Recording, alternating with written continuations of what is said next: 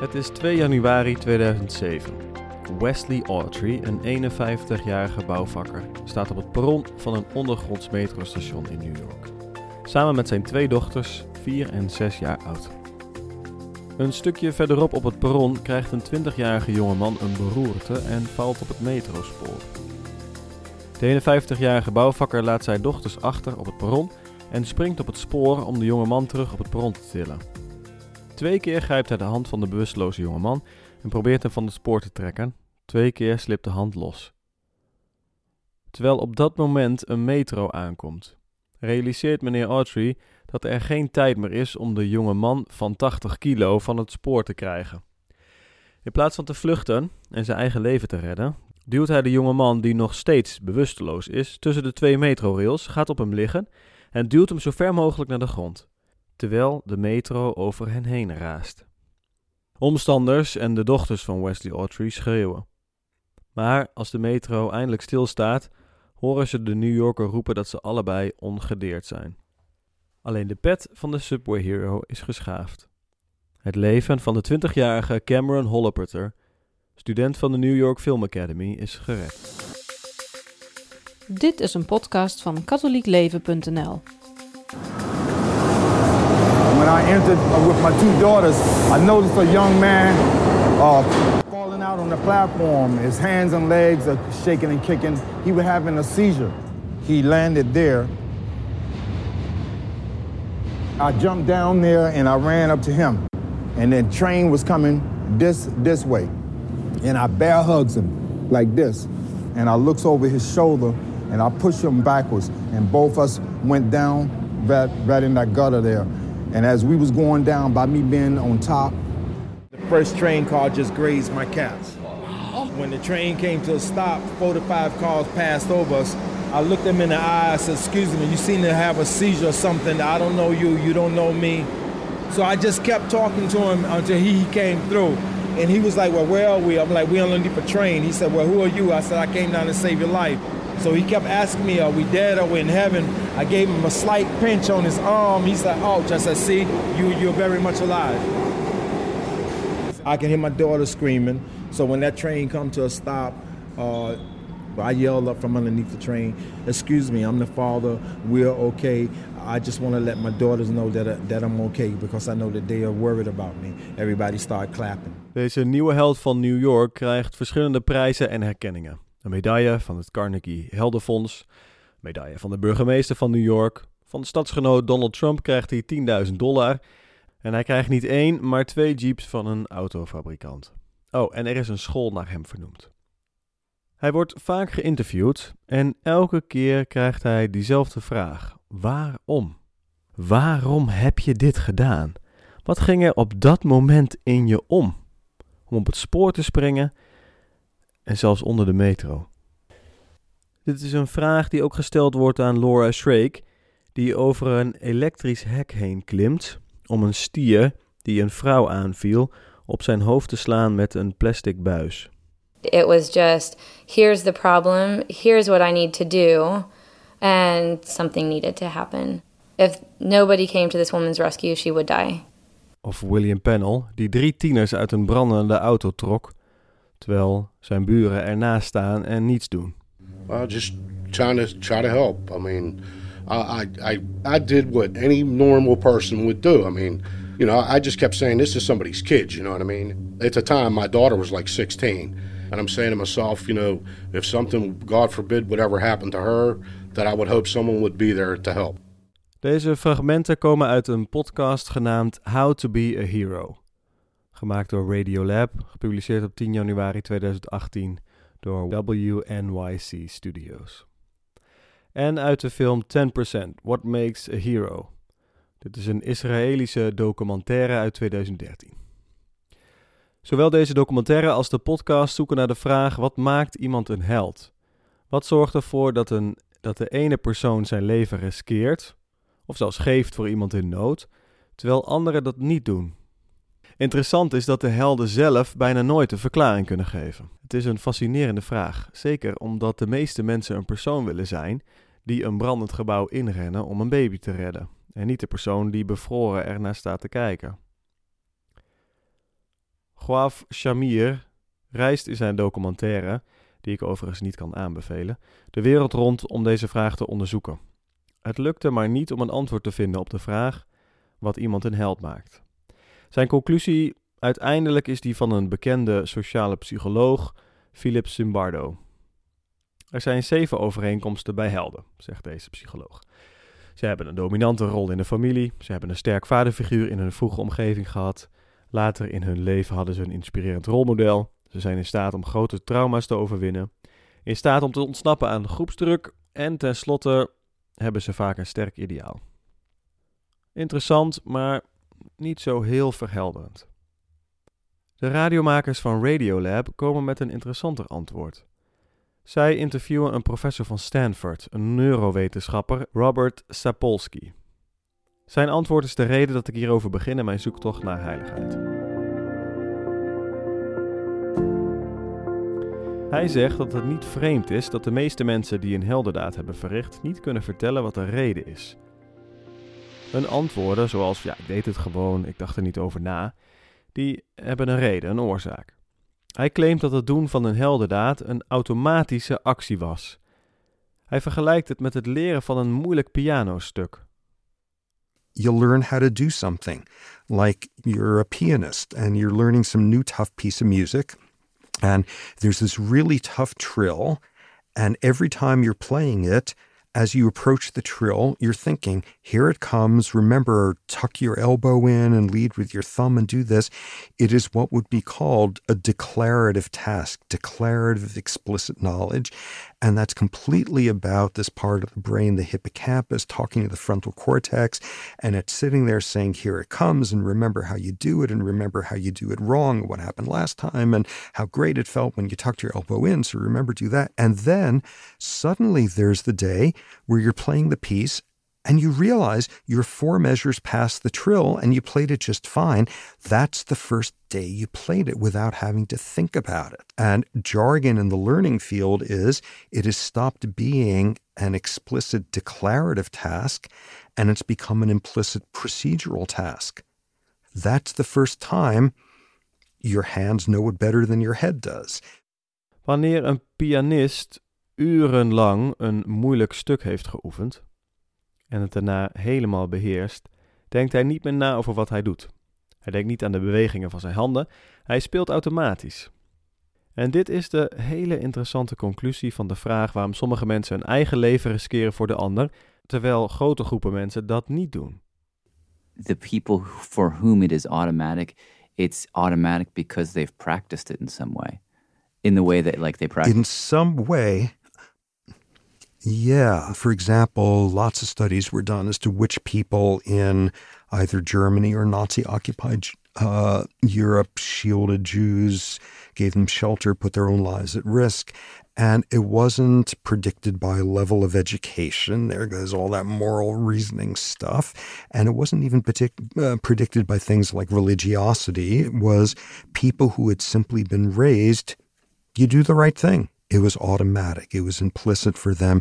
They didn't have to sit there and think about or feel about. It was automatic. Volgens Robert Sapolsky zijn personen die hun leven riskeren voor een ander, personen die daar op de een of andere manier in geoefend zijn, die zo opgevoed zijn. Ze hebben op de een of andere manier geoefend met kleine heldendaden. Het woord dat ik zou gebruiken is offers.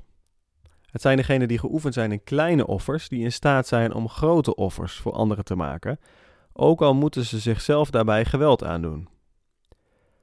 De dag dat Maximiliaan Kolbe zijn leven ruilde voor de andere gevangenen in Auschwitz, was niet de eerste dag dat hij een offer maakte voor een ander. Het is een fascinerende en behulpzame conclusie van een atheïstische wetenschapper. We zitten nog steeds met veel vragen, we weten nog steeds niet precies waarom de ene persoon een heldendaad verricht en de ander niet. Toch zouden we het op een bepaalde manier kunnen trainen. Uiteindelijk heeft het iets te maken met een opvoeding, iets te maken met bepaalde goede gewoontes.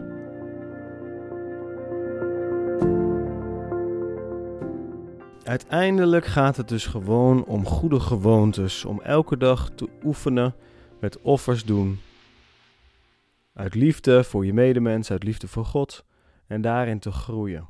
Met deze nieuwe realisatie denk ik weer terug aan die ene zin die pater Hugo Beuker in de eerste aflevering zei. Nou, gefeliciteerd, je bent katholiek, dus de plan ligt gewoon klaar. Het is alleen gewoon niet sensationeel en zo, natuurlijk dan wel weer vervelend eraan is. Ik heb uren gezocht op het internet over helden. Wat maakt iemand een held? Wat zegt de wetenschap daarover? En uiteindelijk is de conclusie heel simpel. Datgene dat de kerk al eeuwen zegt, is waar. Moeder Immaculata, de priorin van de Benedictinessen in Tegelen, kon het ook op een hele mooie manier uitdrukken wanneer het gaat om gebed. Um, ik zeg maar, als, voor mij bent u het, een, een, een, expert in gebed, als ik dat zo even mag zeggen. U dus natuurlijk iets wat u, wat u heel veel doet. Um, ik vind dat, uh, ik ben dat nog heel erg aan het opbouwen, een gebedsleven. Um, en soms vraag ik me wel eens af, misschien is het een hele gekke vraag hoor, maar waar moet ik nou het meeste prioriteit aan geven qua gebed? Wat kan ik nou het beste kiezen? Ik heb een, ik heb een beperkt aantal tijd. Um, wat is nou het gebed wat ik het beste kan, kan doen in die tijd die ik heb? Kunt u mij daar iets over, kunt u mij daar een beetje mee helpen? Het eerste wat in mij opkomt is uh, natuurlijk als u opstaat, s'morgens, als u uh, wakker wordt. Um, ik denk dat het uh, een, een heel erg goede zaak is als je zo gauw je wakker wordt, een kruisteken maakt en je in tegenwoordigheid stelt van de Vader, de Zoon en de Heilige Geest. En um, en een wees gegroet. Um, of het eer aan de Vader, eer aan de Vader en de Zoon en de Heilige Geest. Um, drie weesgegroeten ter ere van Maria. Uh, je kunt het ochtendgebed bidden, het officiële ochtendgebed. Ik heb dat als, uh, als kind of als jonge jongere, zeg maar, heb ik dat uh, ook veel gebeden. En zelfs op de fiets naar school, dan uh, vond ik dat ik het niet goed genoeg had gedaan thuis. Of dan was het maar uh, vlug vlug, want uh, je moet je boterhammen nog smeren enzovoort. Maar dan deed ik dat op de fiets naar school. Ging ik die gebeden nog eens repeteren. Maar dan deed ik dat heel erg langzaam. En bleef ik staan of fietsen, uh, bij uh, bijvoorbeeld uh, de geloofsbelijdenis. Ik geloof in God de Almachtige Vader. En ik merkte op een gegeven moment, hé, hey, ik ben me dat gewoon aan het herhalen. Ik geloof in God de Almachtige Vader. En ondertussen was ik gewoon bezig van, hé, hey, wat betekent dat voor mij? Ik geloof in God de Almachtige Vader. Nou, dat betekent dat Hij hier aanwezig is. Dat Hij bij me is. Dat Hij oog voor me heeft. Dat Hij voor me zorgt. Zo, en op deze manier, ja, fietste ik. Maar ergens ben je dan in Gods tegenwoordigheid bezig. Dat is een mogelijkheid. Onderweg, op de fiets, in de auto. Je hoeft niet per se een radio op te zetten. Je kunt, ja, met een zinnetje. Je hoeft niet een hele litanie op te zeggen, bij wijze van spreken, om te bidden. Het tweede wat ik zou aanraden is dat je bijvoorbeeld um, de lezing en het evangelie van de dag rustig doorleest en eventjes vijf minuten gewoon, gewoon stil zijn. En niet per se, niet per se um, van alles erover denken en, en forceren en zo. Maar eh, heb je een gebedshoekje of uh, bij een kruisbeeld op de kamer, dat je eventjes vijf minuten hebt om dat te doen. Als je dat s'morgens doet, je neemt dat de hele dag mee. Persoonlijk hou ik ontzettend veel van het uh, Engel des Heren. Ik weet niet of u dat uh, bekend is. Dus dat bidden wij s'morgens, middags en s'avonds. Daar zit eigenlijk onze hele, ons hele geloof in notendop uh, en onze verlossing in notendop bij elkaar. Dus omdat s'morgens, middags en s'avonds, um, ook al doe je het één keer per dag, hè, als je, ook al doe je het maar om twaalf uur s middags of zo En daar zitten de drie weesige bij. Als je dat aandachtig doet en probeert het stil te maken in jezelf, dan gebeurt er toch wel iets in je. Ook al is, merk je dat misschien niet de eerste week of zo, maar als je zulke dingen blijft doen, op een gegeven moment merk je, hé, hey, ik kom dieper. Inmiddels zijn we bij aflevering 6 van deze zevendelige serie. Ik ben al heel wat maanden bezig met heiligheid. Ik kijk ook naar de vruchten, naar de verandering in mijn eigen leven. En af en toe zie ik langzaam een klein beetje een verandering. En ik bespreek dit al met mijn vrouw Nina. En ik denk met haar samen na hoe het komt dat ik groei zie. Wat zijn nou de dingen die werken? Als ik over nadenk, wat is nou. Dus we hadden het over groei, hè, net, Mhm. die, die we gezien hebben. Ja. In mijn leven, in ons leven. heb jij eigenlijk ook het gevoel, heb jij daar ook iets aan gehad voor jezelf, of niet? Mag eerlijk zijn. Ik heb nog niet alle podcasts afgeluisterd. Misschien moet ik dat doen. Dus dat zie je nog niet in je leven. Nou, maar dat, dat plichtsbesef ding, Ja? dat heeft wel ook wel invloed gehad op mij al. Ik probeer Ja? ook eh, zonder eh, mokken gewoon mijn taken als moeder en vrouw te doen. Oké. Het is mooi als zoiets heel concreet wordt, hè? Ja. Maar goed, wat ik wilde zeggen is, ik heb nagedacht over hoe kom, wat is nou hetgene wat drijft de groei? Wat heeft het nou voor veroorzaakt? Nou, dan helpt het om erover na te denken. Dus om die gesprekken te voeren, die interviews, daardoor ben je er gewoon überhaupt mee bezig. Dus je neemt het serieus. Mhm. Dat is echt wel voorwaarde één. Ik neem het, neem het serieus.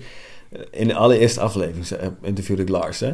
En Lars zei van, ik benader het leven als een topsporter. Dat vond, ik, dat vond ik echt mooi. Want hij is niet zozeer het heilig geworden, maar zijn leven. Dat hij zei, je moet gewoon serieus nemen. Je moet over nadenken van tevoren. Wat doe ik wel, wat doe ik niet? Eh, als je zegt, ik wil gezond leven, dan moet ik geen zak chips in huis halen. Dan moet je gewoon, moet je zeggen, nou goed. Mhm. Eh, dus, dus dat heb ik gedaan. Zeg maar gewoon zeggen, oké, ik neem het, ik ga hier echt mee aan de slag. Want meestal word je gewoon geleefd. En Ga je gewoon sukkel door de je dagen, verder. ja. Ga je, dus dat is eh, voorwaarde 1 geweest, denk ik.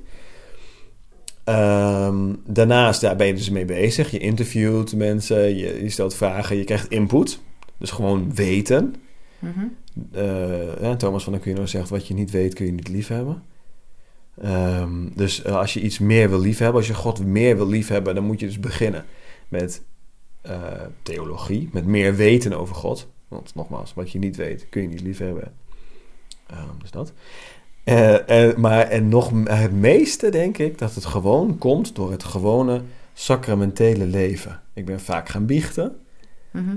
Ehm, ik ben de missen gaan voorbereiden op zondag. Dus niet meer gewoon koud de kerk inlopen, gaan zitten en nou, ik zie wel wat. Nou, dat is een beetje overdreven, dat deed ik niet. Maar zeg maar gewoon de, de kerk binnen gaan. Maar eh, nu bereid ik dat voor. Hoe dan? Nou, de, ideaal is, maar dat, dat klinkt nu heel vroom, dat doe ik echt mm, 19 van de 20 keer niet. Maar ik probeer op eh, zaterdagavond dan al na te denken: oké, morgen is de kerk in mijn avondgebed. Dat ik dan al nadenk van: oké, morgen ehm, s- kan ik ter communie, eh, ben ik in de juiste staat van, van eh, zijn om ter communie te gaan? En zo ja, dat ik al wat voorbereidende gebeden bid. Maar nogmaals, dit, dit, is, dit is vromer dan dat ik ben. Maar dat wil ik. Ja? Maar anders doe je het meestal zondagochtend, toch? Nou, dus dat doe ik wel altijd. Op zondagochtend ehm, ga ik wel voorbereidende gebeden bidden. Dus eh, eh, ik ga niet de communie tenzij ik mijn voorbereidende gebeden heb gebeden van akte van berouw, een akte van geloof, een akte van liefde, een akte van ootmoed. Een akte, nou, dat. dat is echt heel, heel goed. Daardoor eh, krijg je, heeft, draagt het, merk ik dat het veel meer vrucht draagt. En dat het ook, dat ik nou, dus ook soms denk ik, ik ga niet ter communie, omdat ik twijfel of ik een de juiste ehm, gesteldheid heb. Of omdat ik denk, nou, nou, als ik het nu doe, dan doe ik het te vluchtig of te... Ja, gewoon maar om, om het te doen, of om het plucht, of omdat iedereen het doet. Lichtvoetig. Ja, dus ik denk dat. Nou, en dus gewoon mijn morgen- en avondgebed. Ik ben eigenlijk in het begin van de vaste tijd, ik deed Ja. het wel af en toe sporadisch, maar in het begin van de vaste tijd ben ik begonnen met elke morgen en elke avond eh, morgengebed en avondgebed. Mhm. Duurt zes, zeven minuten denk ik of zo. Ja, zoiets. zoiets. En eh, dat doe ik nu sindsdien elke dag. Dus ik dacht, ik ga de lat niet te hoog leggen, want daar ben ik heel vaak voorheen heel vaak op opgebrand. Dat ik zei, oké, dan ga ik 20 minuten elke avond en dit. En dan, dan deed ik dat gewoon vijf weken, nou dat is overdreven, vijf dagen en dan haakte ik af. En nu, dit heb ik al, dit doe ik sindsdien. En nu heb ik het gevoel, oké, nou kan ik een stapje meer doen. Nou kan ik eh, ook een keer 10 minuten doen of een keer 12 minuten. Gewoon iets uitbouwen. En overdag een keer een angelus extra bidden en een, en een schietgebed doen. Dat trouwens ook schietgebeden. Dat is goed zeg. Dus gewoon overdag. Waar vind je zoiets dan? Nou ja, ik heb gebedenboekjes waar ze in staan. Ik weet niet waar, ik weet niet waar andere mensen ze in kunnen vinden, maar ik vind ze in mijn gebedenboekjes. Ehm Missalen en zo. En daar staat dus bij mij, ehm, dus bijvoorbeeld ja, een heilige die ik dan, waar ik dat dan van lees, is ehm Alphonsus van Liguori. Dus daar zijn een boekje van hem. En hij geeft een lijst met die schietgebeden. Dus bijvoorbeeld als, de, als je de uur hoort slaan. Nou, dit doe ik nog niet veel, maar ik vind hem wel echt fantastisch. Als je de uur hoort slaan, dat je zegt: weer een uur dichter bij de eeuwigheid. Dat is toch gaaf? Dan doe je precies wat kardinaal Eijk dus zei. Zijn blik op de eeuwigheid hebben. Gewoon elke keer even een uur aan denken. Gewoon even denken: hé, hey, ik hoor weer een uur dichter bij de eeuwigheid. Nou, die, die doe ik nog niet zo. Maar wat ik wel veel zeg is: Jezus, Maria, Jozef, help mij, sta mij bij. Gewoon heel simpel. Als ik iets moeilijks vind of als iets lastig is, zeg Jezus, Maria, Jozef, help mij, sta mij bij. Schietgebed, zo simpel. Maar je bent wel daardoor misschien vier keer per dag extra met God bezig. Mhm. Dus het focust heel erg voor mij. Uh, de schietgebeden, morgengebed, avondgebed, zondag, mis, biechten. Gewoon het sacramentele leven. Gewoon simpel. Gewoon goede gewoontes opbouwen. Dat maakt zoveel verschil. Dan zeggen, ik, ga, ik begin klein en die gewoontes die bouw ik uit. Maar die doe ik dan ook echt trouw altijd. Mhm. En dat heb ik denk ik ook wel gedaan. Ik heb misschien maar een paar keer ooit morgen of de avondgebed overgeslagen. Omdat ik het vergat. Of om, maar het was alleen een bijzondere gelegenheid. Dit was een podcast van katholiekleven.nl. Bedankt voor het luisteren.